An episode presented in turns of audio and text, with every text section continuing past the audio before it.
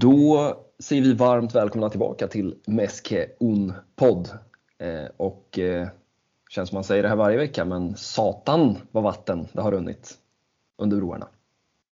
Ja, verkligen. Man, eh, man pushar på den här inspelningsdagen 24 eller 48 timmar framåt och det känns som att ett helt, ja, men en hel jävla säsong har hunnit passera under under de timmarna. Eh, men, eh, ja, men det blir kul. Det är mycket som vi ska avhandla i, i dagens avsnitt.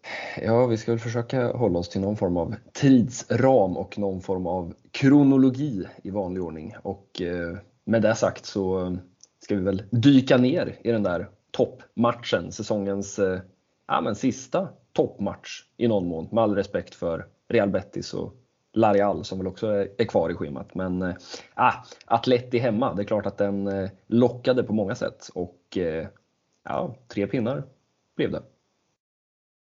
Ja, det var en, det var en match som hade mycket. Man får väl ändå säga att den präglades av, ja, men av comebacker helt enkelt. Mm. Både Frenkie de Jong som fick chansen från start och mm.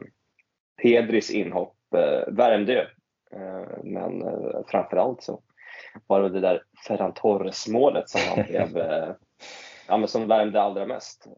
Det, var, ja, men det var en match med många, med många ansikten mm. som kunde ha slutat på en mängd andra sätt än, mm. än just 1-0.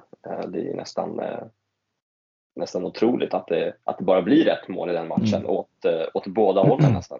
Ja, verkligen. Nej, och ett Atleti som vi pratade om, ett formstarkt Atleti ju. Det är inget eh, höst-Atleti som åker ur Champions League som grupp jumbo utan eh, fan det här är ju ett, ett Atleti som ju tar upp jakten på Real Madrid på den där andra platsen. Ett Real Madrid som, som ju tappade poäng mot katalanska Girona efter allt som har varit eh, de senaste två veckorna. Eh, Castellanos med fyra kassar, den eh, såg man inte komma. Nej, en vecka ser man Castellanos bränna friläge på Camp Nou med sådär 10 meter. Den andra sätter han fyra bollar mot Real Madrid. Så, ja, Nej, det är bara att hänga med i, i fotbollens värld.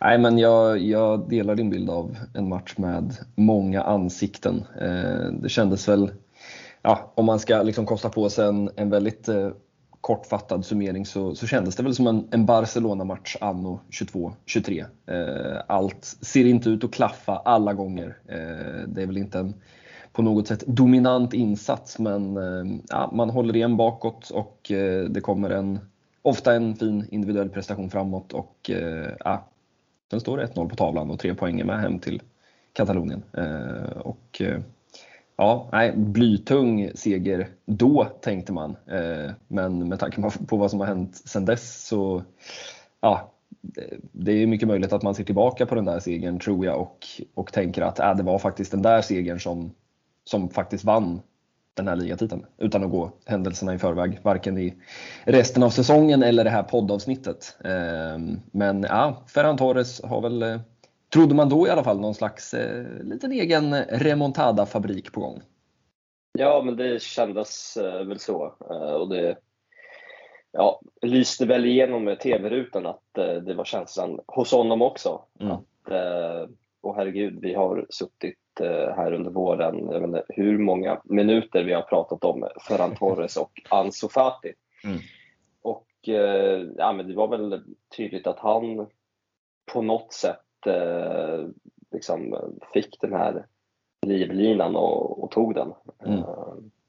Han, ja, det vet inte hur det blir med den där vänsterytterplatsen nästa säsong. Vi har pratat om att Ja, men Manchester City gav ju en väldigt eh, liksom, generös återbetalningsplan och mm. Ferran Torres har man ju inte liksom, eh, man har ju inte betalat en halv eh, miljard till City än. Mm. Så hur hans liksom, ja, är en transferens möjlig? Det, det, har man ju tänkt liksom. Men visst såg man i alla fall då att den insatsen gjorde att han ja, stärkte sina aktier. Såklart. Ja, det har väl, det har väl pratats eh, under veckan också om, om någon slags bytesaffär nu med eh, Carrasco som ju Barca har den här ofattbara klausulen som vi har försökt rodda i många gånger och fortfarande inte riktigt förstår. Eh, och så har man ju Abde i Osasuna också, eh, som för övrigt blev inbytt i 83 här senast och tog ett rött i 85. Eh, så att det är högt och lågt för, för eh, alla fronter. Men ah, jag såg att, jag vet inte om det var Sport eller Mundo som, som toppade någon dag med att eh, det kunde bli en, en revolution på den där vänsterkanten i, i sommar. Eh, och eh, ja, vi har ju pratat om honom många gånger men det är klart att man tänker på Ansu Fati som ju ja, först får sitta tillbaka för ja, om man nu ska tolka det som att det var Jordi Alba eller Alejandro Balde, eh, den där matchen där Xavi körde dubbel vänsterbackar och eh, ja, nu är det Ferran Torres som har fått chansen i, i två raka här då. Eh, och eh, ja, det är klart att eh, Ansu Fati nog sitter där på bänken och tänker, ja, vadå? Ja, han, han borde väl sitta och, sitta och tänka på vad han ska spela fotboll nästa säsong. Mm. Eh, för eh, fortsätter det så här så är det ju ingenting som varken Barca eller alltså Fati mår bra av och, och liksom tjänar någonting på. Mm. Så det är väl den, liksom, den bistra sanningen på något sätt. Ändå. Ja, vi har väl pratat liksom väldigt mycket om den, under den här våren om om den här våren att den kommer bli avgörande för, alltså för många spelare, men, men för just Ferran och för, för Ansu Fati. Eh, och eh, ja, nej, det, känslan just nu, ja, det skulle inte förvåna mig om båda ryker i sommar, men, men känslan just nu är väl att Ansu Fati är den som ligger absolut närmast en, en flytt. Och eh, ja, finns det en klubb i Premier League som är villig att slanta upp. Det är, väl, det är väl också där man landar, eller där man börjar famla åt det hållet just nu. Att eh, ja, är det någon som vill betala 30, 40, 50 miljoner euro för Ansu Fati? Eh, är man nere på summor kring 20-25, ja det är klart att man behöver pengarna och pengarna kommer direkt in i och med att det inte finns någon transfersumma sedan tidigare. Men eh, ja, alltså han känns ju inte stekhet på marknaden utifrån den här våren, den här säsongen heller. Nej, sen sitter han väl på uh, Jorge Mendes som agent mm. uh, och uh, ja, han, han styr väl över en viss Premier League, orangeklädd Premier League-klubb. vi skulle bara kunna se Ansu Fati kanske Adama Traoré på varsin kant i Wolves nästa säsong. Mm.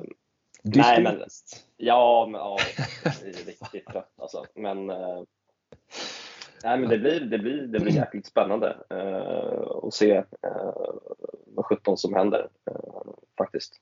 Eh, det, så här kan ju inte fortsätta. Helt nej, enkelt. det är väl någonstans där man, man landar. Eh, och samtidigt så, så sitter nästa, ja, hur gammal var han så Fati? Han var väl 16 den där gyllene hösten. Eh, det känns, känns länge sedan nu eh, när en liten, ja vad fan, en liten pojke i princip var tvungen att få föräldrars underskrift för att spela den där kvällsmatchen i La Liga. Och ehm, ja, nu heter den pojken Lamin Jamal och är 15 bast. Det är, det är liksom, ja det är helt, helt galet. Ja, verkligen. Nu eh, har ju inte fått chansen att, att slå det där rekordet, eh, varken eh, mot Atletico eller mot Rayo Vallecano som vi mm. kommer in eh, lite senare på här. Mm. Men ja, ska ju vara en, ja, en, jäkla, en jäkla talang som, ja, enligt Xavi håller på den här nivån. Annars hade inte han suttit på den där bänken mm. och tagit den där truppplatsen. Men visst, ja, kittlar det enormt när en spelare som, eh, som honom får chansen och liksom dyker upp i ens, eh, ja, i ens medvetande på något sätt. Ja, nej men det, det, har ju varit ganska många från de väldigt initierade katalanska journalisterna som ju dessutom några av dem eh, som, som man vet har extra bra koll på, man ska inte kalla dem liksom La Masia-journalister men man vet att de, äh, de har ju följt Jamal länge och det är också därifrån de här rapporterna har kommit att ja, men, Xavi den här veckan, eller då förra veckan, liksom, när han kallar upp Jamal på träning så eh, ah, ja, han ska ju liksom ha uppfattat det som att ja, men nu, nu är det dags. Liksom. Och, ja, han, har, han har väl slagit något rekord nu. Det finns ju väldigt många rekord att slå nu för tiden, men det rekordet som är slaget är väl att han är då den yngsta spelare att vara med i en matchtrupp. Väl. Eh, jag vet inte om, om man får några diplom för det riktigt. Eh, kanske inte, men eh, ja, han har ju ett antal matcher kvar den här våren och eh, det känns väl snarare som en självklarhet än att det inte är en omöjlighet att han är med på försäsongen i sommar. Eh, och eh, ja, nej, som sagt 15 år gammal. Det är, ja, jag vet inte, det, det är svårt att greppa på något vis. Ja, det är galet och visst kommer han ja, visst kommer han få chansen innan den här säsongen är slut. Ja, det känns så. Det är, det är ju bara en tidsfråga. Det, det lär väl ta tills den här ligatiteln är matematiskt eh, avgjord. Liksom. Mm. Eh, och eh, ja, det blir ruggigt spännande att se, se honom på plan. Ja, och också en lite annorlunda eh, profil. Alltså, jämförelsen med Ansu Fati blir ju väldigt lätt att, att göra. Sen är de väl lite, alltså inte helt lika i, i spelstilen i och för sig, där Ansu Fati väl mer är en, en momentumspelare, en spelare som som många har funderat på om han ska kanske spela som nia istället medan Jamal väl är kanske ännu mer utav en renodlad yttermittfältare som, som gärna slår sin gubbe även om han också har liksom, det är klart att han har smält in sådana här helt galna mål facit i, i La Masia som man typ alltid hör om känns det som.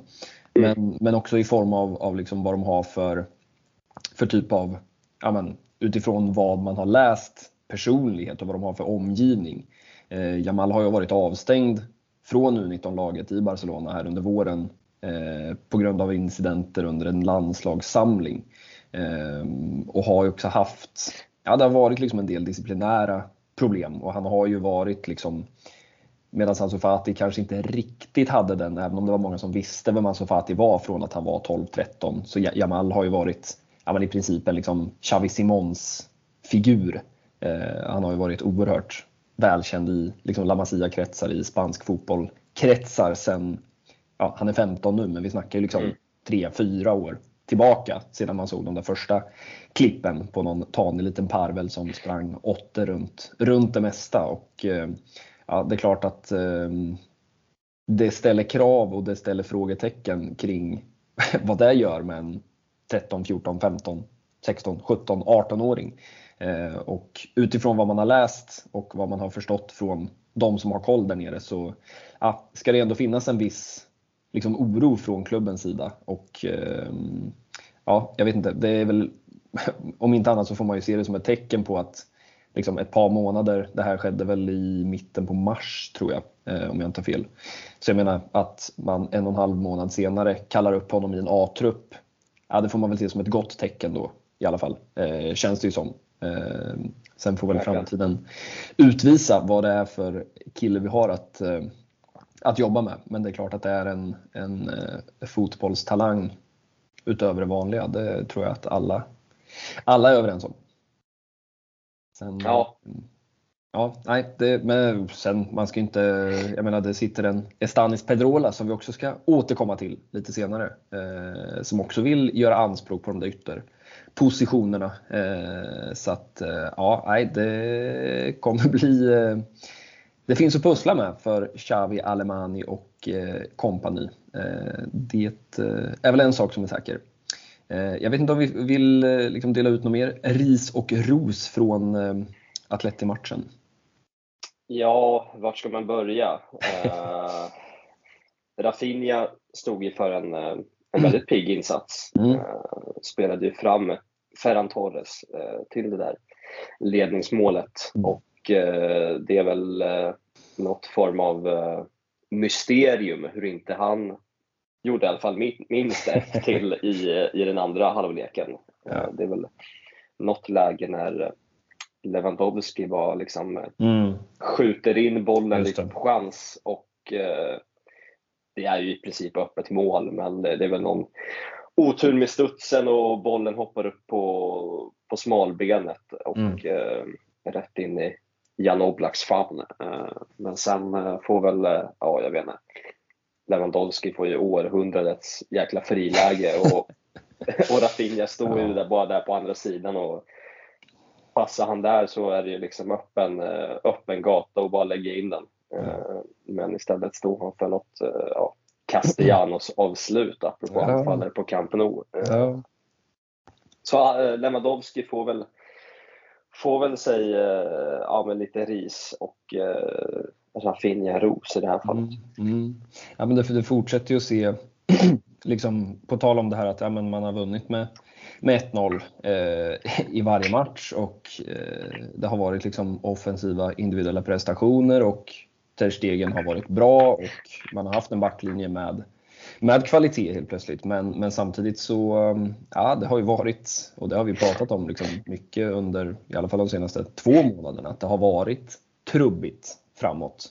Eh, och gudarna ska veta att Rafinha inte har varit otrubbig alla gånger eh, heller. Vi ska väl prata lite om honom i Rayo passagen här om, om någon minut eller två. Men eh, ja, alltså det, det, är ju det som är lite förvirrande med Rafinha. Jag menar Lewandowski vet man vad man får av. Sen om det är 27 mm. ligamål eller 19 ligamål. Eh, det är väl liksom där någonstans man landar. Men, men Rafinha har ju varit, det är väl den spelare som fortfarande förvirrar mig mest i det att han kan vara så fruktansvärt frustrerande att titta på. Men samtidigt så, ja, återigen så tittar man mot Atleti, ja då, då är det ju han som luckrar upp det där. Eh, vi har pratat om målet på El Sadar tusen gånger. Ja, det är han som är där. Eh, jag vet inte om han är uppe på 9 plus 10 nu då, eller något i den stilen. Eh, och, och, jag menar, det är ju, det är ju ja, jag ska inte svära på exakt hur många av de målen som är liksom direkt poängavgörande, men det är ju en oerhört hög andel av dem som faktiskt har Ja, det är klart att han är en av de spelarna som individuellt sett absolut har varit mest bärande och som har gjort att Barca har 11 poängs försprång med en handfull matcher kvar att spela i La Liga. Och samtidigt så, så känner man att man ibland bara sitter och, och sliter sitt hår för att det, det händer liksom ingenting. Eh, och eh, ja, nej, han, är, eh, han får mig att känna ambivalenta känslor och eh, så lär det nog fortsätta vara. Eh, känns det ja, ja, verkligen. sen kan vi väl alla vara överens om att den som eh, ja, man känner extra varmt för är ju Pedri och han, mm. Eh, han kom ju in och ja, det såg väl inte, det var väl inte jättetydligt att han hade varit out i, mm. i x antal, ja vad blir det, två månader, två och en halv månad. Ja, något i den stilen. Sen den där, det där Europa League-uttåget mot, mot Manchester United såg eh, fin ut och även så eh, Frenkie, Frenkie de Jong. Eh, man såg direkt vilken, ja, men vilken vad, är, vad, är, vad det är för lag helt enkelt. Mm. Med och utan de spelarna. Mm. Sen har vi väl en nyss Uruguayan att tacka för att, för att den där målnollan är intakt. För Atleti var inte ofarliga. herregud, Griezmann håller väl på att spräcka den där målnollan innan ens det har gått mm. en minut på, ja. på Camp Nou. Eh, och eh, det syntes ju verkligen att det är en spelare i form och en stor anledning till att, eh, ja, vad hade de, 13 typ matcher utan förlust i mm. ligan. Mm. Så ja, det var en, en stark insats från, från många spelare. Mm. Nej, men och, och Araujo är väl en spelare, tror jag, som faller i glömska också för att han faller i glömska är kanske fel ord, men, men eh, just att man börjar kanske ta honom lite för givet för att det har varit en spelare som har hållit så extremt hög nivå. Sen det är klart att han har varit skadad och saknats något oerhört. Så att man kan ju inte prata om en, en kontinuerlig säsong på så sätt. Men eh, jag tror att slår man ut de matcher han väl har spelat jämfört med till exempel en sån som Jules Condé som ju har dippat oerhört efter VM så, eh, och då ska man ju visserligen då säga att Araujo spelade ju aldrig något VM, eh, tack och lov. Eh, men äh, det, det är, tror jag, oerhört svårt att, att, hitta svaga insatser från Araujo. Det är väl, det är väl möjligtvis då Rayo-matchen för att börja brygga däråt och eh, kanske även eh, den sista matchen där mot Real Madrid. Eh, där väl Vinicius gick vinnande ur någon slags duell där för första gången. Men mm. ja, nej herregud, det är ju en, en spelare på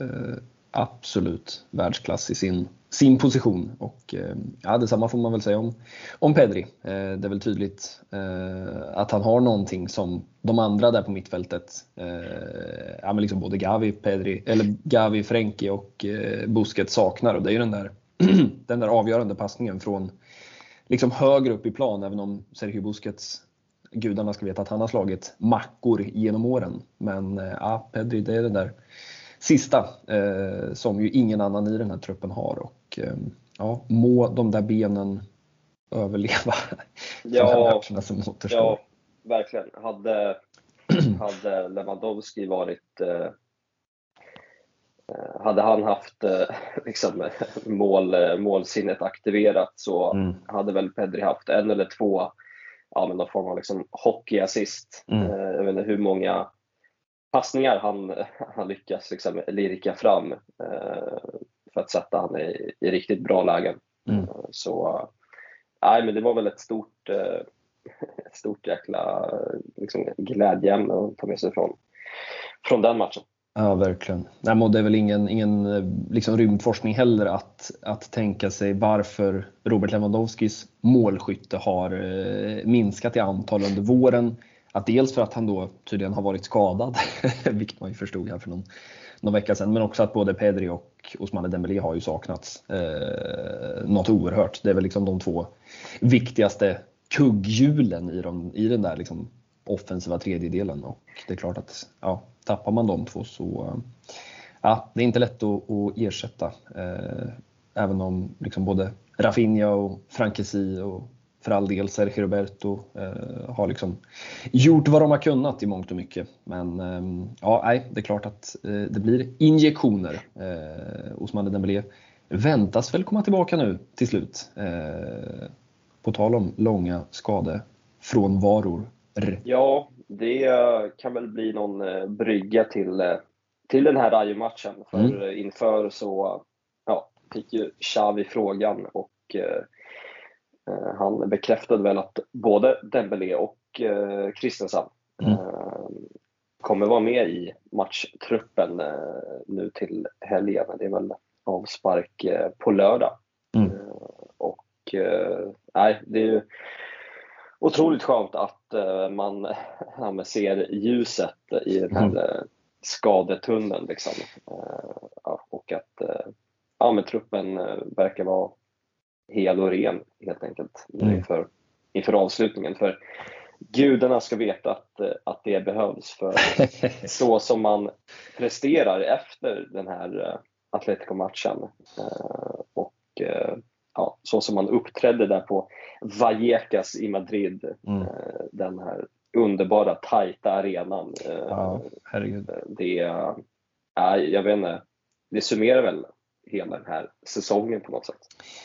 Ja, det är väl den... Eh, jag vet, det är svårt att prata bort eh, kollapsen mot Real Madrid såklart. Eh, och det finns de här Champions League-matcherna, bland annat mot Inter, som ju någonstans är Ja, den, den är väl fortfarande svårslagen i och med att den är så tydligt avgörande. Eh, så, vad en match liksom verkligen kan göra. Men en torsk mot Rayo borta, ja, det är en av 38 matcher. Men alltså rent spelmässigt så uh, ja, det är en av säsongens absolut sämsta insatser. Uh, utan tvekan. Uh, det, ja, det, det, är så konstigt att, ämna, att, det, kan, att det kan skifta så, så snabbt. Mm.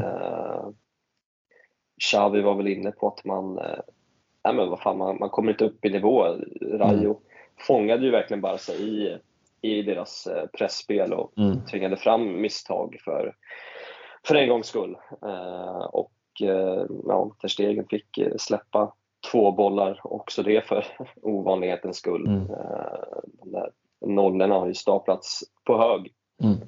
Och, nej, det var länge sedan man såg ett Barca så, så pressat och att man var så oförmögna till att, eh, ja, till att eh, liksom, styra spelet på, på, liksom, på någon nivå och, och skapa, skapa målchanser. Mm. Ja, nej, det var det, mm, ja, nej, jag, jag, kan bara instämma och det kändes som att allt liksom, det var inget som, som fungerade. Alltså det, det är klart att Rajos pressspel och vi ska väl liksom berömma eh, Iraola många gånger under det här poddavsnittet. Det är en, en, tränare som har gjort, han har skapat liksom under med den här truppen för att gudarna ska veta att man, man tänker att liksom ja men Alvaro Garcia och Easy och Oscar Trejo, att det här är spelare som, som liksom ska vara på den här nivån. Det, det, är det ju inte. Det är ju liksom Iraola som har plockat en, en segunda-trupp i princip. Eh, det är klart att många av de här spelarna har liksom kvalitet nog för att spela i La Liga, men att plocka den här truppen om man jämför med liksom, vad Real Betis håller på med eller Atletic Club. Men den här truppen är väl kanske på pappret 13-14 i La Liga någonstans. Så att det är ju en överprestation. Ja, herregud. Det är ett lag som är, vad är de, 13, 14, 15 poäng före liksom Getafe, före mm. Valencia som, ja. som krigar för att undvika nedflyttning. Liksom. Ja. Så äh, det är ett riktigt äh, ja, men det är ett fint, äh, ett fint Rayo Verkligen. 2023. Ja, men de som spelar ja. ut, spelar ut Barca i liksom andra, i andra halvleken när, när publiken börjar skrika sina olé. Eh, då, då vet man att det är, eh, ja, det är konstiga saker som, som sker på, på planen, men det är konstiga saker som sker överallt känns det som. Inte bara som du säger att de, de blir helt låsta i, i uppspelsfasen, men, men också liksom ingenting fungerar. Targetspelet fungerar inte, en mot en-spelet fungerar inte, djupledsspelet fungerar inte och plötsligt så tänker man liksom, ja fan det vore rätt gött att ha Sergio Busquets där på mitten. Eh, för att få någon typ av referenspunkt. Eh, det är väl det som någonstans ja. blir farligt, att man hamnar i det här eh, i brist på bättre uttryck, men Hawaii-fotbollen, att, att det skiftar så oerhört fort fram och tillbaka och, och att det där är ju såklart något som, som snarare gynnar Rayo än, än Barca. Eh, och, äh, det är väl en taktisk, taktisk utklassning av, av Iraola mot Xavi, igen, ska man ju säga. Ja, verkligen. Det här är ju, ja, men det är ju jag vet inte om det, de har utvecklats mm. någon form av bugg i team. Ja, verkligen. Eh, det här är ju fjärde matchen som, ja, nu lyckades ju Barca göra mål. Eh, Lewandowski mm. fick eh, tag på den där uh, returen från uh, Frankesi och mm stängt in sitt 18 mål för säsongen. Mm. Men eh, ja, det, Rayo har ju ja, men inte förlorat på, på fyra raka ligamatcher eh, mm. helt enkelt. Premiären i år slutade ju 0-0. Det är mm. ett riktigt antiklimax där när Lewandowski och Rafinha och, och hela, hela bunten skulle presentera sig. Mm. Uh, nej, men en, en, riktig, en riktig imponerande insats. Jag vet inte om det är just Busquets-tappet som det borde ju inte få så här stor effekt. Eh, men eh, jag vet det är ju ingen, ja, enligt mig, ingen spelare som, eh, som kliver av den planen med, med ett godkänt betyg faktiskt. Nej, det går nog inte att påstå. Alla, ja, nej, alla hade en tung, tung afton. Om vi tyckte att Pedri såg Eh, såg eh, väldigt livlig ut mot Atletico Madrid så, så var det ju den här kvällen en Pedri som såg, eh, ja, det såg ut som att han hade en bit upp till, till den där fysiska nivån som man uppenbarligen behöver för att lira boll på ett mittfält i, i La Liga. Och, ja, nej, alla, det, det kändes som att man kom, man kom, man var inte där överhuvudtaget och det är nej. konstigt ja, men rent liksom mentalt också. Man, man tänker att ja, visst, den här ligan är klar kan man tycka, men, men det är den ju inte heller alltså, i princip. Eller det är klart att den bör vara klar, men det är ju bara för att Real Madrid går och förlorar hela tiden. Eh, så att det, och man kommer från en liksom, tuff jävla skitperiod för att prata svenska och så, och så lyckas man på något konstigt sätt få med sig tre pinnar mot Atleti hemma och då tänker man nu får vi momentum och nu bara gasar vi säsongen ut och, och liksom spelar ut. Och sen går man ut och gör det här och man undrar vad, vad är det som pågår? Ja, det har ju varit något, något mantra under våren från Xavi att eh, den här ligan är inte avgjord förrän den är avgjord. Mm. Han, om någon vet hur svårt och hur ja, få förunnat det är att, att vinna ligatitlar. Mm.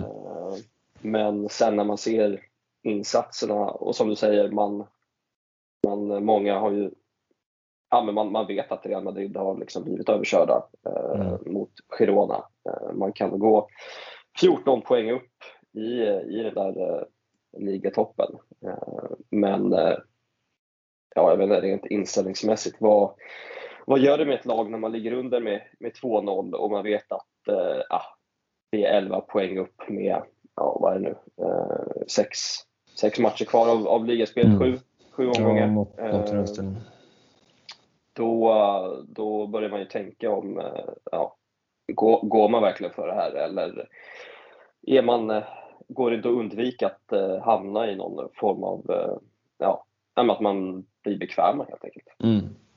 Ja, nej det är um, svårt att förstå på, på många vis och det blir väl också jag tänker någonstans, alltså det är klart att många av de spelarna som, som spelade igår behöver ju inte kanske spela för någon typ av framtid. Eh, det är klart att det finns en, en Ferran Torres, eh, det finns en Jordi Alba som byts in, det finns väl i någon mån en Marcos Alonso, alltså det, det, Rafinha för allt. Det är klart att de spelarna finns där men det är ju en stomme som såklart man kan tänka potentiellt har någon slags liksom, trygghetsgrund att vila på i en sån här match. Men eh, samtidigt så det, det sätter ju också en prägel på hela den här säsongen. Jag menar, den här förlusten igår innebär ju nu att man inte har någon längre matematisk chans att, att uppnå den här Tito-hundringen. Eh, den så ansedda 100-poängaren. Det är ju inte många, många lag som har eh, gjort det där och eh, det kan man inte göra längre. Och jag menar, det är klart att det är fortfarande 11 poäng ner. Eh, det är två hemmamatcher på Camp Nou nu, eh, även om det är två tuffa hemmamatcher Eh, för all del. Men det är klart att allt tyder fortfarande på att man kommer att lösa den där jävla titeln. Men det blir också någonstans, ja men vad, vad, hur blir efterspelet? Hur kommer man att minnas den här titeln? Eh, det är klart att hade man spelat vidare som man gjorde ja men, för två månader sedan där det kändes som att allt bara flöt eh, och att det här var ja men nu, nu åker vi bara rutschkana resten av våren och bara glider in i en sommar där vi förstärker truppen ytterligare och bara kör i höst. Eh, alltså så kommer inte känslan vara om det blir så att ja men, man kommer spela ihop den där ligatiteln, men det kommer se ut så här. Eh, ja, men vad gör det med sommaren? Vad gör det med hösten? Eh, vad gör det med ligatiteln? Alltså om man liksom, ja, men man, just nu känns det ju som att man backar mot en ligatitel på något vis. Ja, det känns som att eh, man har kommit upp på, på någon form av upplopp och alla konkurrenter liksom ja, men bara halkar och, och det är bara så också. Istället mm. för att eh, bara liksom defilera in i mål så, så blir det ju någon form av, ja, men det blir, lämnar en tråkig och liksom bitter eftersmak att mm. jaha, är det så här det ska se ut när man, ja. när man vinner en ligatitel? Ja, men om man tänker också att så det rent krast så det, det, borde ju inte se ut så här för att man tänker att så det handlar ju inte bara om att, att plocka de poäng man behöver. Det är klart att ja, men, man kan ju torska 10 poäng till de här matcherna och vinna ligan med en poäng. Man, man har ju fortfarande ligatiteln men samtidigt så har man varit så väldigt tydliga hela tiden att ja, men det här är en process. Eh, Xavi måste få tid. Det är den här säsongen som kommer räknas jag menar nu, han, han, alltså den här truppen borde ju lära känna varandra bättre och bättre och bättre. Man borde skapa bättre och bättre relationer. Xavi borde bli bättre och bättre och bättre på att förstå sin egen trupp, på att förstå, han har stått vid den där Camp Nou-gräsets sida fler och fler gånger. Man tycker också att man borde se en, någonstans en utvecklingskurva.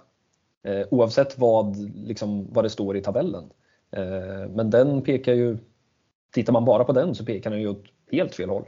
Eh, mm. Och ja, det är klart att det kommer hända saker i sommar. Leo Messi kommer väl komma tillbaka eh, på ett eller annat sätt. Eh, det lär väl bli en Gündogan. Det kommer att säkert ansluta en två, tre spelare till. Det kommer att lämna ett par spelare men ja, det är ju inte så att man går in i eller känslan just nu är väl inte att man kommer gå in i den där hösten med liksom allt för hög svansföring om det kommer att se ut så här. Sen ska vi inte säga det, alltså det kanske blir så att man man vänder på steken nu och spelar champagnefotboll resten av våren. Men, men jag tror inte man ska underskatta de här matcherna som är kvar ändå oavsett om man, om man bortser från liksom, den ligatitel som, som man faktiskt spelar om. Eh, Nej, verkligen. Och vi har väl, ja, vi har väl sett det här nu på slutet också. Eh, liksom förluster mot Almeria borta efter ja, men liksom icke-insatser. Mm. Eh, och så har man hoppats på att det, att det ska vända, men det har det inte gjort nu. Och vad kan det vara? Sen den matchen, fyra, fem veckor liksom. Mm. Eh, sen fick man ju injektioner med, med det här klassikot. Eh, mm. Liga-klassikot. Och nej, som du säger, det, det ska väl höjas något frågetecken kring Xavi och hur han, eh, ja, men, eh, hur han hanterar och sköter den här, den här truppen. För, mm. för, ja, men jag håller helt med i det du säger att det, det borde ju rimligtvis se bättre och bättre ut. Uh, istället har det ja, dalat neråt uh, helt enkelt.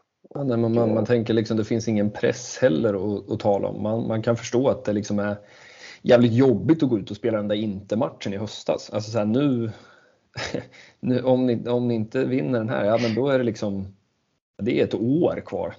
Ja. Spela, alltså, det är ju skitjobbigt säkert. Det, det, men, men nu, alltså, så här, ja, vi har 11 poäng ner. Vi ska åka till Vallecas inför ett liksom, galen hemmapublik. Inför ett form, mot ett liksom, fantastiskt motståndare och spela alltså, ja, jag har svårt att, att, att liksom förstå vad, vad det är som, som gör att det, det ser ofokuserat, oinspirerat ut. Um, vi ska väl också bara nämna att, att Xavi har, eh, har fått frågor om gräset nu igen. Uh, och att han, uh, han har noterat att han, han själv har blivit någon form av gräsmeme på internet. Ja, han har väl fått ett nytt smeknamn, eh, El Jardinero, eh, liksom trädgårdsmästaren. Det var väl efter den där Getafe-matchen när det var ja, solen gassade och mm. gräset var inte, inte vattnat. Och, Nej, han var ja. inte nöjd. Men, inte ens Getafe-spelarna kunde få iväg ett skott, så tungt var det. Nej, men han, han sa det att eh, jag, jag har förstått att folk på internet har kul åt det här, men jag tänker inte sluta. Det här är viktigt för mig. Ja, och eh, ja, på Vallecas då, då var det väl eh, dimensionerna som han hade mm. eh, åsikter om. Det mm. är ju en, en, mindre, en mindre fotbollsplan. Eh, samtidigt tänker man att är det något lag som är bra på att eh, spela på små ytor så är det ju Barcelona. Ja, man, man tycker det. Sen, sen var det ju svårspelat i och med att de, jag vet inte om jag liksom, oerhört mycket föremål på planen. Eh, var ju tvungna att liksom blåsa av matchen efter fem minuter när stackars Dimitrievski, hemmamålet, fick liksom puffa bort alla chipspåsar och papperslappar och, eh, från sin egen liksom, ja, vad säger man, från sitt eget nättak eh, så att säga. Och, eh, ja, det, är lite problematiskt där längs kanterna och liksom lira boll. Men man vet själv när man har lirat på en liksom, skolgård där det har ramlat ut någon papperskorg och det har spridits skit över, över planen. Det eh, kan inte vara helt lätt där att spela bland chipspåsar och eh, jävla chipsrör tyckte jag mig se att Alejandro Balde sparkade bort vid något tillfälle. Så att, eh, ja, jag vet inte. Det är ju det är ju en liten kittel det där Vallecas. Eh, när de väl får till trycket så ja, det är eh, Verkligen, och de, kanske... står, ju, de står ju så nära spelarna så de, ja. eh, publiken gjorde ju sitt för att få dem ur balans. Ja, man blir lite liksom, orolig för liksom, de här Ferran Torres-typerna. Man tänker liksom snart så flippar han liksom lappar till någon i publiken. Ja, ja, men, typ. men ja, nej, det gick vägen. All heder åt eh, både Vallecas, Rayo Vallecano och eh, Andoni Iraola. Eh, som väl, ah, känns väl inte som någon eh, omöjlighet att han får en, med all respekt för Rayo, en större arbetsgivare i sommar. Sitter ju på utgående kontrakt ju. Eh, Verkligen. Har väl tagit en liten eh, konstig väg. Han eh, tränade väl borta i, i MLS. Ja, han avslutade innan. karriären i eh, de ljusblå, New York FC. Eller New ja. York City. Eller vad de ja, heter. Men de är väl David en del av, är väl en del av den där Manchester City-gruppen. Ja.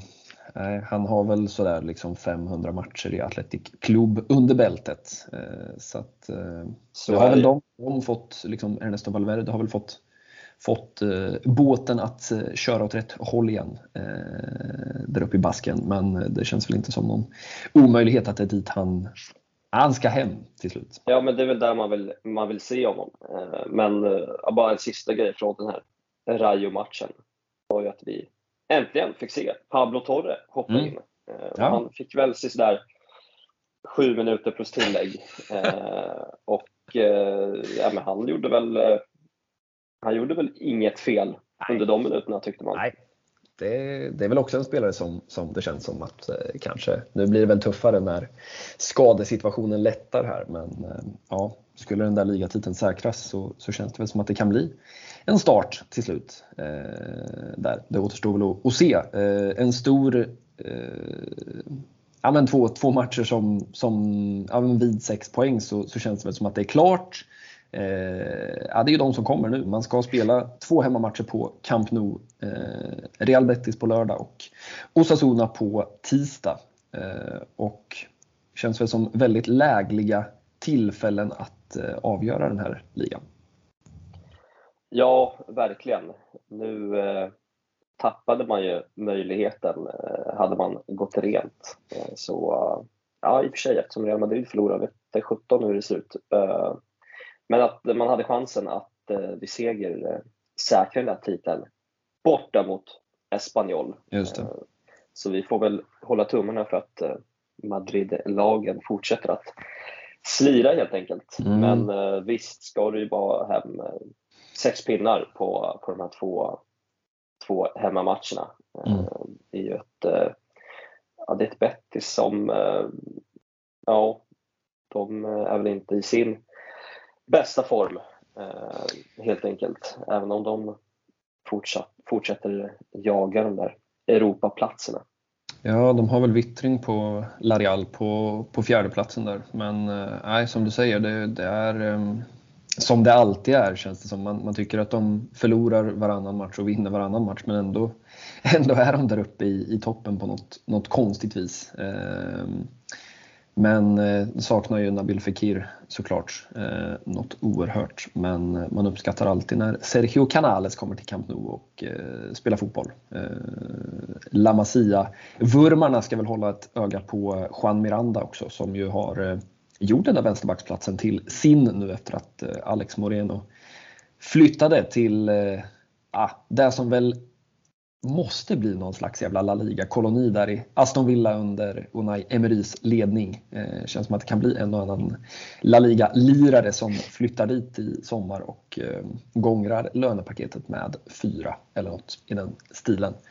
Eh, Nej, men det, blir ju, det är ju två tuffa, alltså både Real jag menar, Osasuna på en åttonde plats och ja, de fortsätter ju också imponera eh, liksom säsong efter säsong. Det är ett en välmående klubb känns det som. Så det är ju två, två tuffa matcher. Eh, även om det såklart är en enorm skillnad att spela på, på hemmagräs och på, på borta gräs. Eh, men ja, samtidigt vänder man på det så skulle det bli liksom två poängtapp här så ja, samtidigt så kliver Real Madrid nu ju in i, i de här semifinalerna mot eh, Manchester City. Eh, och eh, skulle väl inte förvåna någon om Real Madrid går från 1-4 mot Girona.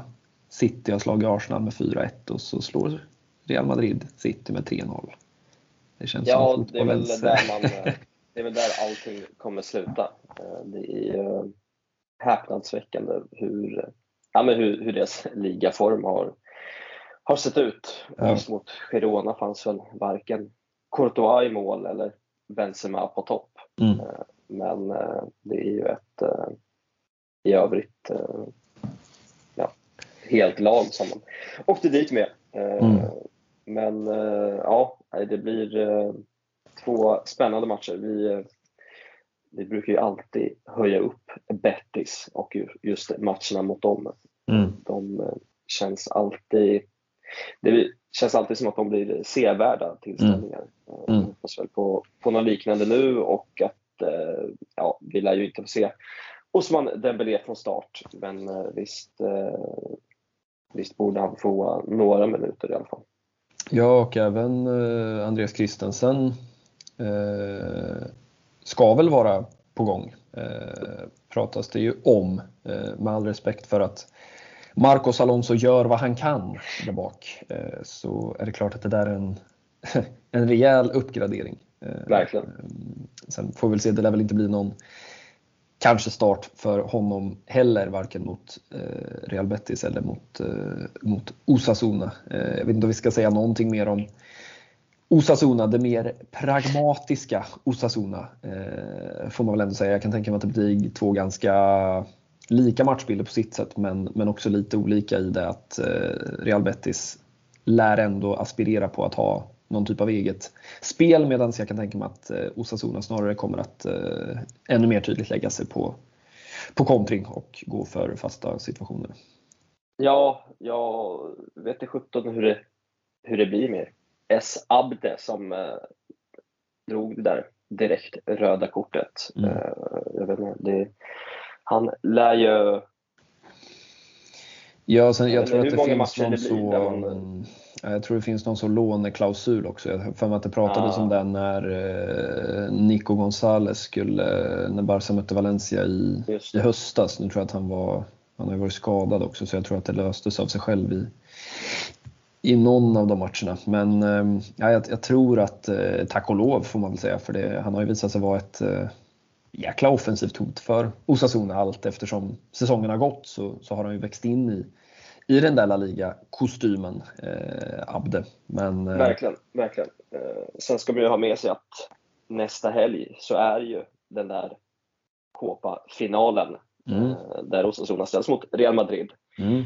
Så det är väl inte omöjligt att, eh, att de går in i, i den tisdagsmatchen med fokuset någon, någon helt annanstans. Ja, verkligen. verkligen. Nej, de, de, har ju, de har ju, på tal, vi har pratat mycket om att det finns inte så många klubbar i, i La Liga den här säsongen som, som inte har något att spela för. Alla måste hålla sig undan den där bottenstriden. Men ja, Osasuna är väl en av de klubbarna som, visst, det är klart att de vill ta chansen och, och, och säkra en så bra ligaplacering som möjligt. Eh, jag menar, en sån klubb som Rayo har ju chansen att, att göra sin bästa ligaplacering någonsin. Så det är klart att de här klubbarna har ju också något att spela för i, i någon mån. Men ja, det är klart att Osasuna kan vaska en match mot, eller vaska, men prioritera bort en match mot Barca utan att behöva oroa sig för ett nytt La Liga-kontrakt. Eh, så mycket kan man ju säga. Och det är klart att en, en cuptitel för dem hade ju varit eh, ja, ja, enorm på alla sätt. Det är ju deras eh,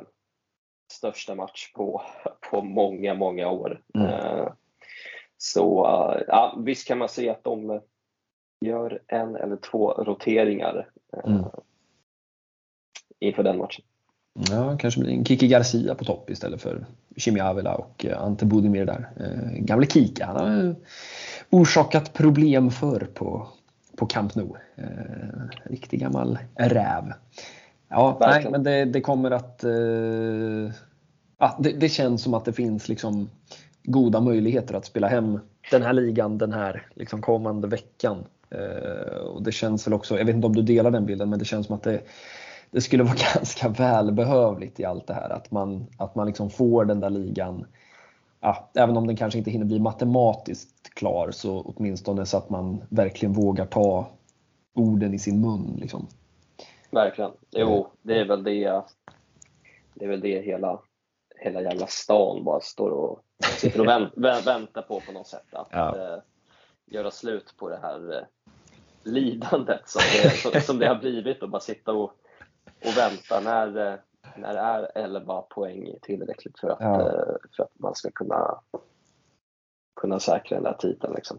Ja, det är ju speciellt. Alltså vi lär väl såklart liksom älta det här i säsongssummeringar och dylikt eh, när allt är hemma. Men ja, som du säger, det, jag vet inte, man backar mot en titel. Det är ett lidande. Det, det är liksom, och det är ju så det känns. Men, men samtidigt, så här, ja, man, man, har liksom ändå 11 poäng upp. Det är, eh, jag vet inte om det är någon slags extrem bortskämdhet eller om det är det, det är liksom Ja, men det är ju att det, att det är liksom självförvållat lidande som är, är någonstans det värsta. Det är inte någon, eh, det är inte Real Madrid eller Atleti som, som jagar där bakom och är liksom 3-4 poäng bort. Mm. Utan eh, det, är, det är Barcelona själva som, som fortsätter. Ja, jag vet inte om det är något form av skadebeteende man, man håller på med. Men ja, lider, lider gör man. Ja, nej. Sen ska man väl försöka liksom hålla i bakhuvudet att så här för, för ett år sedan så hade man väl, ja, inte vet jag, 15, 17 poäng upp till, till ett Real Madrid som då var i, i ligaledning om man ska försöka ha någon typ av perspektiv på, på livet. Nej, vi får se vart vi, vad vi sitter och tycker och tänker och pratar om nästa vecka eh, när vi har ytterligare sex poäng, potentiella poäng av klarade.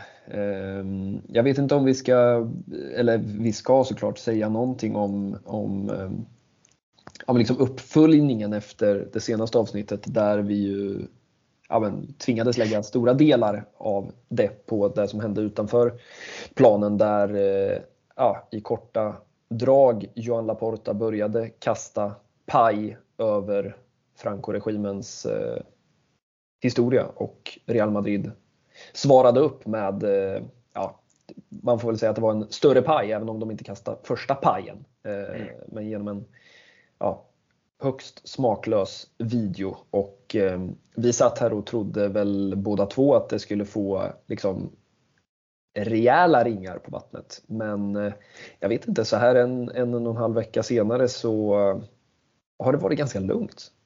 Ja, verkligen. Förvånansvärt lugnt. Det var väl några reaktioner som sipprade ut. Eh, mm. Någon form av liksom, ja, vad ska man säga, det katalanska parlamentet på mm. något sätt. Som, eh, ja, men någon talesperson där liksom. Som... Ja, som uh, tyckte att det var liksom, uh, ja men hemskt såklart och att mm. det är att ja, men helt enkelt pissa på alla som led mm. under Franco-regimen. Mm. Och att Real Madrid skulle ta bort den där videon Mm. Eh, men mig veterligen så, så har det inte hänt någonting på den fronten och Eh, det har väl varit ja, men, tyst från klubben rent eh, officiellt. Eh. Ja, och eh, jag vet inte om man ska tolka det som att, att, liksom, att det är något positivt i sig. Att, att jag, jag kan ändå misstänka att ja, men liksom både Real Madrid men, men också Barca och, och liksom Joa Laporta känner att ja, men det här var, var liksom ett, ett steg som, som vi faktiskt inte borde ha tagit, någon av oss. Och eh, jag vet inte om det är så, jag hoppas att det är så man ska tolka tystnaden. Och jag hoppas att, jag menar, att det är sista gången som man får höra Johan Laporta stå framför media och eh, dra den här typen av referenser. Och eh, jag hoppas också att Real Madrid inte har någon mer sån här video liggandes i, i arkiven. Eh, och vad har hänt mer? Ja, Johan Laporta var på det där eh, La Liga-mötet. Han eh, skakade hand och utbytte några, några glosor med eh, Javier Tebas. Ja, de såg ut att trivas i, i varandras sällskap. Det var kanske för att ja, Florentino Perez var inte på plats och han Nej. förstörde väl inte stämningen mellan de två. Men ja, de, de såg ut att och ha det bra. Jag noterade att han blev placerad mellan eh, Real Madrids representant och Espanyols representant. Så det var liksom lite eh, strategisk bordsplacering där kanske. Eh, vi ska väl också säga att eh, Javier Tebas, ja, men han, han eh, föga förvånande pratade med media och ja, men han sa, sa, ändå att han, han hade liksom respekt för att Laporta dök upp och att Laporta hade då ja, men lagt fram Barsas åsikter i, i frågan men att eh, ja, men de andra inte ja, de delar inte riktigt Barsas syn på saken och eh, så må det ju vara. Det är väl en, en, en samtalston som, ja, som man kanske uppskattar mer än hur den har varit och eh, ja, hur den här Negreira affären kommer att sluta det, det vet väl ingen känns det som och det känns väl kanske som att bara för att det juridiska är över så ja, det är klart att man, man kommer, alla kommer ha frågetecken kvar eh, kring de här 7 miljonerna euros ungefär. Eh, för att eh, ja, man har ju fortfarande inte riktigt förstått eh, vad det är som har pågått, vem, vem som har tänkt vad, vem som har försökt vad, vem som har och varför? Liksom. Ja, nej, men det, det, är ju liksom, och det, det, Johan Laporta kan ju inte riktigt svara på det. Eh, tyvärr. Nej, det, är, det är väl det som, eh, som du säger, som de andra La Liga-klubbarna, eller professionella klubbarna, det är väl mm. ett par lag från Segundan som också är med där. Ja, men någon typ av SEF-variant har jag förstått det som. Liksom. Ja, eh, och de ja, men delar väl att det finns fortfarande frågetecken att räta ut. Mm. Eh, men eh, vi har ju varit inne på, ja, men på den här jävla liksom, kalla kriget-eskaleringen i, mm. i uh, hela diskussionen mellan Tebas och, uh, och Laporta. Och, mm.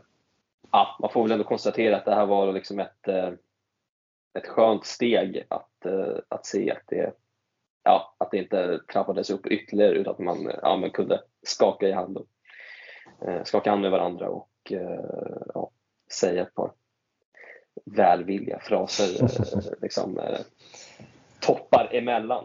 Ja, man hade velat haft en, en, eh, en liten mygga där på, på eh, Laporta men man vet ju hur politiker är. Va? De kan ju kan hålla fasaden uppe. Jag kan tänka mig att det har sagts en del annat i omickade rum från både Tebas och Laporta. Men eh, ja, nej, fortsättning följer. Vi ska väl bara nämna också, eh, vi bara nämnde Messi kort här förut, men han har ju varit i Barcelona nu. Eh, och, eh, som de fick stoff de där tidningarna. Ja men alltså det var ju någon som liksom, han hade ju cyklat runt någonstans. Han liksom kom med en jävla cykelhjälm. Man ser någon journalist som liksom bara får fnatt och bara fan, det är Messi. Det är Messi.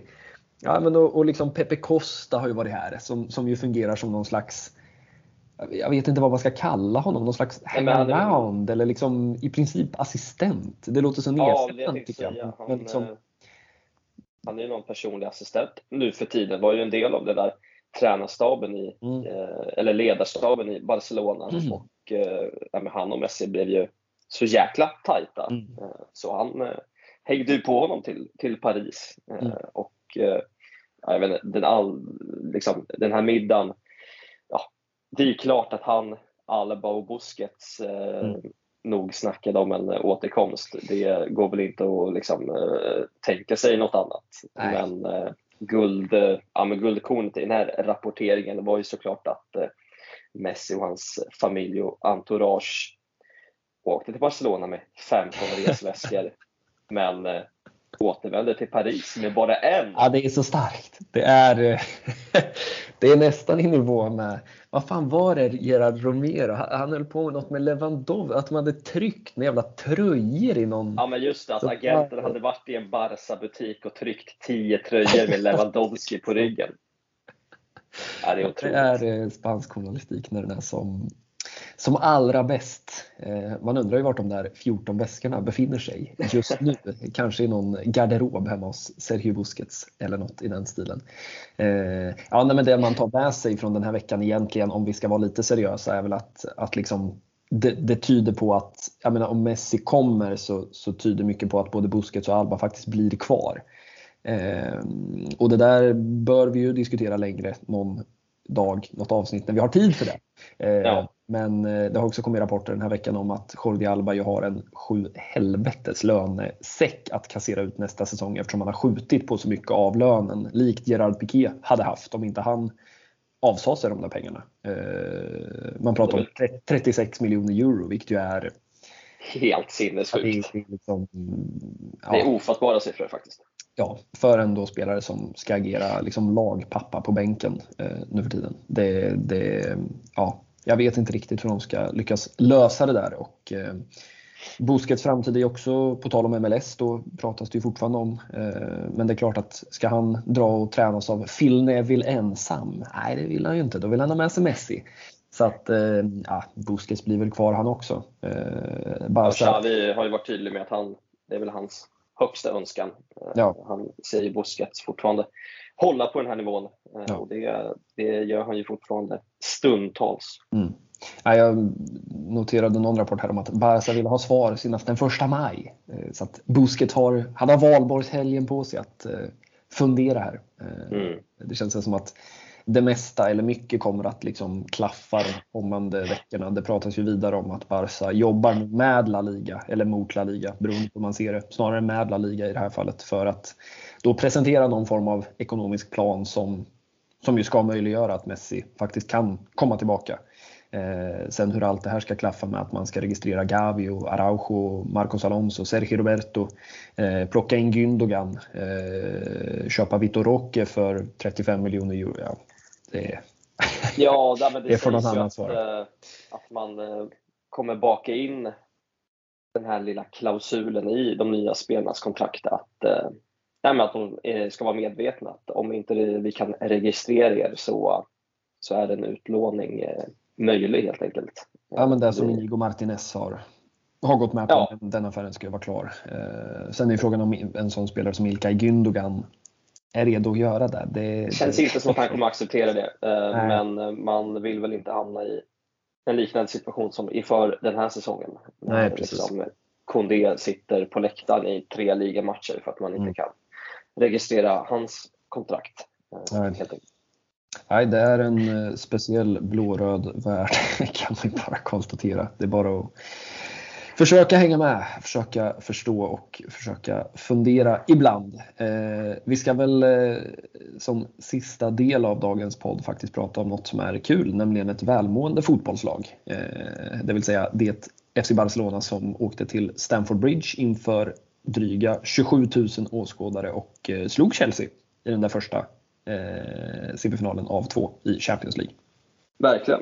Eh, Caroline Graham, eller jag vet inte, hon är ju norska. Jag vet inte, ja. Man drar ju sig till det engelska uttalet. Ja. Graham Hansen som slog till med ett jäkla mål. Mm. Eh, det var ja, men riktigt snyggt där mm. ganska tidigt på matchen. Så mm. man går ju in, eh, eh, ja det är ju ikväll som eh, returen spelas på ett, eh, vad det verkar, välfyllt Camp Nou. Mm, jag läste 65 000 sålda. Ja. Eh, och det var väl någon dag sedan. Så att, eh, ja. Ja, det lär bli, bli i princip lapp på luckan kan man ju tänka sig. Ja, men det, var, det var ett ganska klassisk Champions League utslagsmatch. Barca kontrollerade det där rätt ja, inte bekvämt ska jag säga, men, men eh, absolut så kändes det som att eh, Giraldes och kompani fick den matchbild som, som de ville ha. Eh, sen var inte Chelsea ofarliga på något sätt. Eh, men eh, ja, jag vet inte, man hade väl en sådär 70 procents eh, bollinnehav på, på bortaplan i en Champions League semifinal och eh, ja, det är klart att det aldrig är aldrig är kul att leda en, en utslagsmatch med, med 1-0 men eh, ja, de höll ihop det där även om man kanske gärna hade haft en 2-0 också om man hade fått, eh, fått önska helt fritt. Eh, vi ska väl notera att Fridolina Rolfö såklart, såklart spelade från start och också Magda Eriksson i, i Chelsea-försvaret. Eh, som sagt, den här podden, ja, för den som lyssnar nu eh, så är det bara att googla fram det här resultatet och eh, eventuellt så är ju Barca i en Champions League-final. Eh, vilka det blir som står för motståndet. Eh, de spelar sin retur den 1 maj. Eh, Precis. Högst oklart varför. Chelsea, äh, Chelsea. Arsenal Wolfsburg. och eh, Wolfsburg slutade ju 2-2 där i det första mötet, mm. så det är väl vidöppet eh, i, den, eh, i den semifinalen. Ja, verkligen. Men eh, det kommer bli otroligt häftigt. det är väl bara att ja, den här uppmaningen kommer ju inte kommer ju inte nå er i tid, men jag hoppas att eh, så många som möjligt eh, tar, ja. tar chansen att kolla på matchen. Den ja. känns ju på uh, Seymour i alla fall. Ja, det finns ju, man har inga ursäkter att, att inte se den. Så nej, vi bara hålla, hålla tummarna att vi kan konstatera att det är en finalplats mm. som är säkrad. För ja, det hade ju varit otroligt stort. Eh, vad hade det blivit? Tredje raka CL-finalen va? Mm. Man vinner där 21. Mm. mm. Torska mot Lyon 22 eh, och nu eh, ja, är det bara att hålla tummarna på att man, att man löser det. Ja, verkligen. Och Champions League semifinal retur fullsatt Camp Nou. Vem finns i truppen? Jo, Alexia Putellas. Ja, fan det ska vi absolut inte glömma. Jag läste till och med att det är väl det blir 300 dagar eh, mm. efter den där korsbandsskadan som gjorde att hon missade förra sommarens EM-slutspel mm. Eh, i, i England mm. Eh, och har missat ja, i princip hela den här säsongen. Det, man ska väl inte ha några jättestora förhoppningar på att hon ska spela. Nej. Det, lär väl eh, behövas en eh, bekväm ledning eh, för att hon ska få hoppa in i, mm. i slutminuterna kan man ju tänka sig. Mm. Men, äh, men otroligt kul att bara kunna konstatera att hon är, har fått det, det gröna ljuset av, av läkarteamet helt enkelt.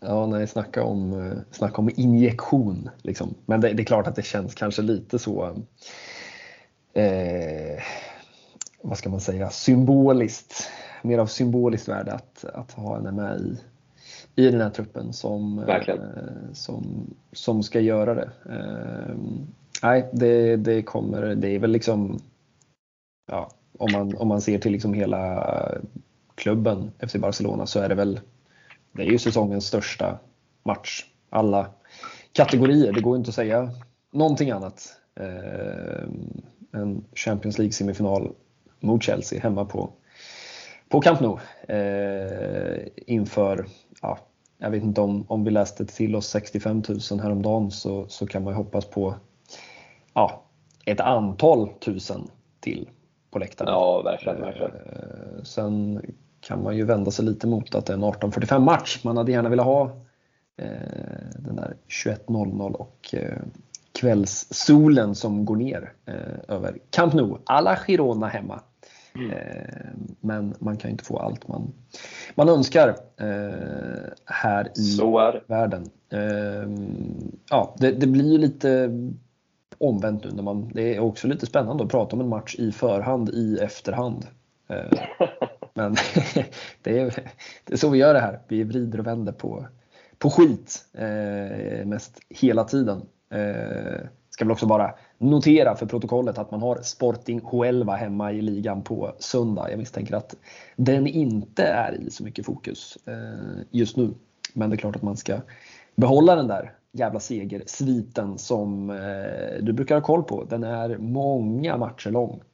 Ja, man har, har ju vunnit alla matcher den här säsongen. Eh, nu vet jag inte, det är väl, vad kan det vara, omgång 25, 26 eller något sånt där i ligan. Ja. Men totalt sett så är, väl den segerraden ja, över 60 matcher nu när man räknar in eh, förra säsongen. Mm. Ja, nej, det är också en, en, det är en siffra. En statistik eh, någonstans.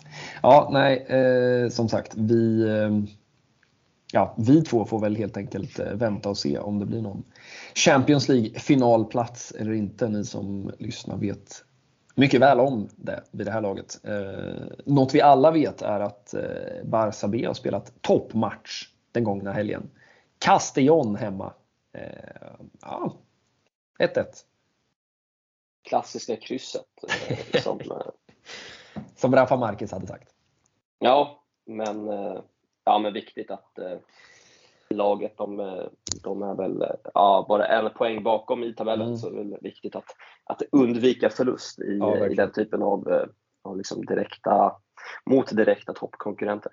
Verkligen, man ligger kvar på den där tredje platsen nu. Eh, och det är inte många omgångar kvar, så jag tror det är, om det är fyra omgångar kvar. Man har Osasunas B-lag nu på, ja, på lördag. Eh, fem, fem matcher kvar fem matcher sex kvar. poäng upp till eh, till eh, ettan och tvåan som mm. båda står på, på 60 pinnar. Ja, jag vet att man har, man har Eldense kvar. Jag vet inte om det är de som ligger tvåa. Jo, så är det. Eh, så att, eh, ja, det kommer bli, kommer bli ruggigt där på, på slutet. Estanis Pedrola målskytt här nu senast. Så det, det, är också den där balansgången som det väl ja, ganska ofta landar i. I och med att det känns som att Barça B alltid är på väg ur eller upp från en serie. Men just om, om det skulle bli så att Barca säkrar den här ligatiteln inom ja men, två, tre, fyra omgångar. Och man kommer ha några matcher till till Lilla Liga där ja, men det blir läge att spela en, en Estanis Pedrola, en för all del Lamin Yamal eller en eh, Marc Casado eller en Aleix Garrido. Det, det, det, finns ju ganska många, Angel Aracon för all del. Eh, Pablo Torre. Pablo Torre. Eh, ska man välja att spela de här spelarna i La Liga då eller ska man välja att spela dem mot Eldense borta med liksom två gånger kvar? Det, där, jag vet inte riktigt vem det är som tar de där besluten. Om det är liksom Xavi enbart eller om, jag kan tänka mig att de sitter med varsin Cortado eh, på Ciudad Esportiva vid lunch där och eh, diskuterar sinsemellan Xavi och Rafa Marquez. Det är en jävla fin bild ändå. Ja, verkligen. Verkligen. Två gamla eleganter på, på sina alldeles egna sätt får man väl säga. Eh, det är inte jättemånga fler, eller det är inte jättemånga fler elegantare, även om det inte är ett ord, mittbackar än Rafa Marquez man har sett genom åren. Åtminstone i en blåröd tröja. Nej, eh, det är, ja, men det är fint att, att tänka, tänka tillbaka på hans heydays eh, mm. i den där backlinjen med nummer fyra på ryggen. Mm. Eh, ja, det, han, ja, men han, ska väl, han ska väl ha liksom, han ska ju få ros för, för ja, den här säsongen och komma in som ja, men, ja, jag vet inte om man kan säga att han var helt oerfaren, men mm. Eh, absolut inte den mest erfarna tränaren och ta över mm. ett B-lag med allt vad, vad det innebär i, i den här klubben. Eh, mm. Och eh, ja, men fighta om, om en ja, men direkt uppflyttning och, och ha den här liksom, i alla fall playoff-platsen i, i egna händer. Mm. Så det, nej, men det, det ska han ha. ja, verkligen.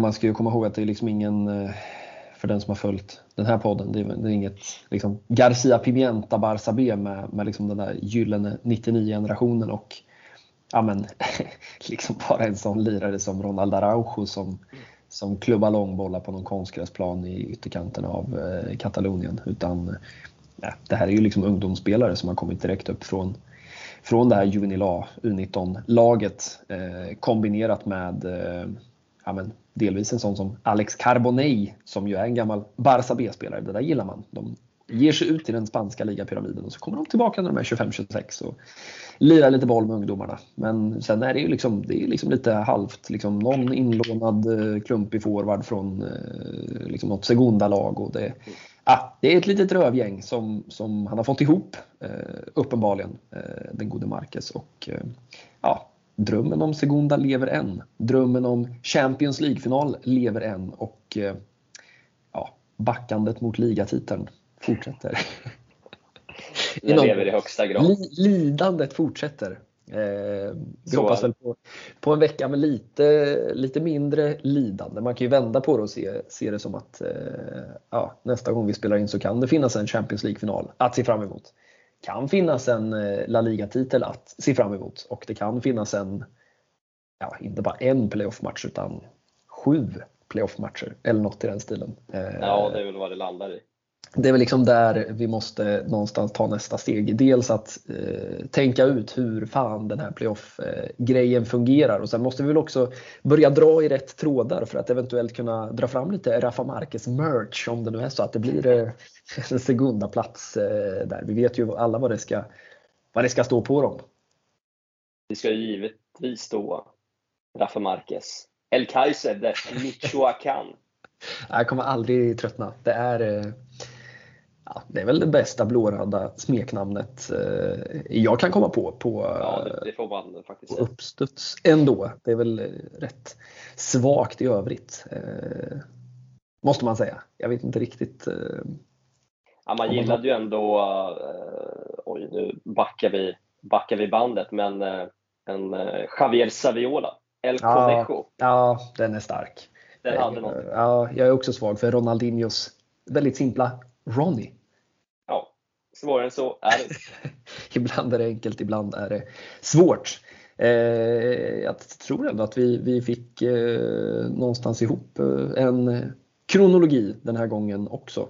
Eh, vi får väl se vart eh, vi landar nästa vecka. Eh, det skulle inte förvåna mig om det har runnit eh, blåröda, blårött vatten under broarna som man inte riktigt har tänkt sig. Vi vet att det kommer in en del matchvatten eh, under de där broarna. Men ja, Javier Tebas har väl varit ute och svingat eller Leo Messi har väl varit i Barcelona igen eller Pepe Costa kanske har träffat några journalister. Vem vet? Lämnat, lämnat ännu fler. Ja, ja, någon, eh, man bara väntar på att liksom Gerard Romero breakar vart de där väskorna finns. Eh, något fint hotell kanske nere vid hamnen eller något i den stilen. Nej, vi stänger boken för den här veckan i det som var Meski Unpod avsnitt 82 och eh, siktar framåt, backar framåt, går framåt. På återseende, på återhörande. Ciao! Ciao! Total camp és un camp som la gent blaugrana, tant se val d'on venim, si del sud o del nord. Ara estem d'acord, estem d'acord, una bandera ens agermana, blaugrana al bé, un crit valent. Ara, tenim. I sei tothom. Barça! Barça! Barça!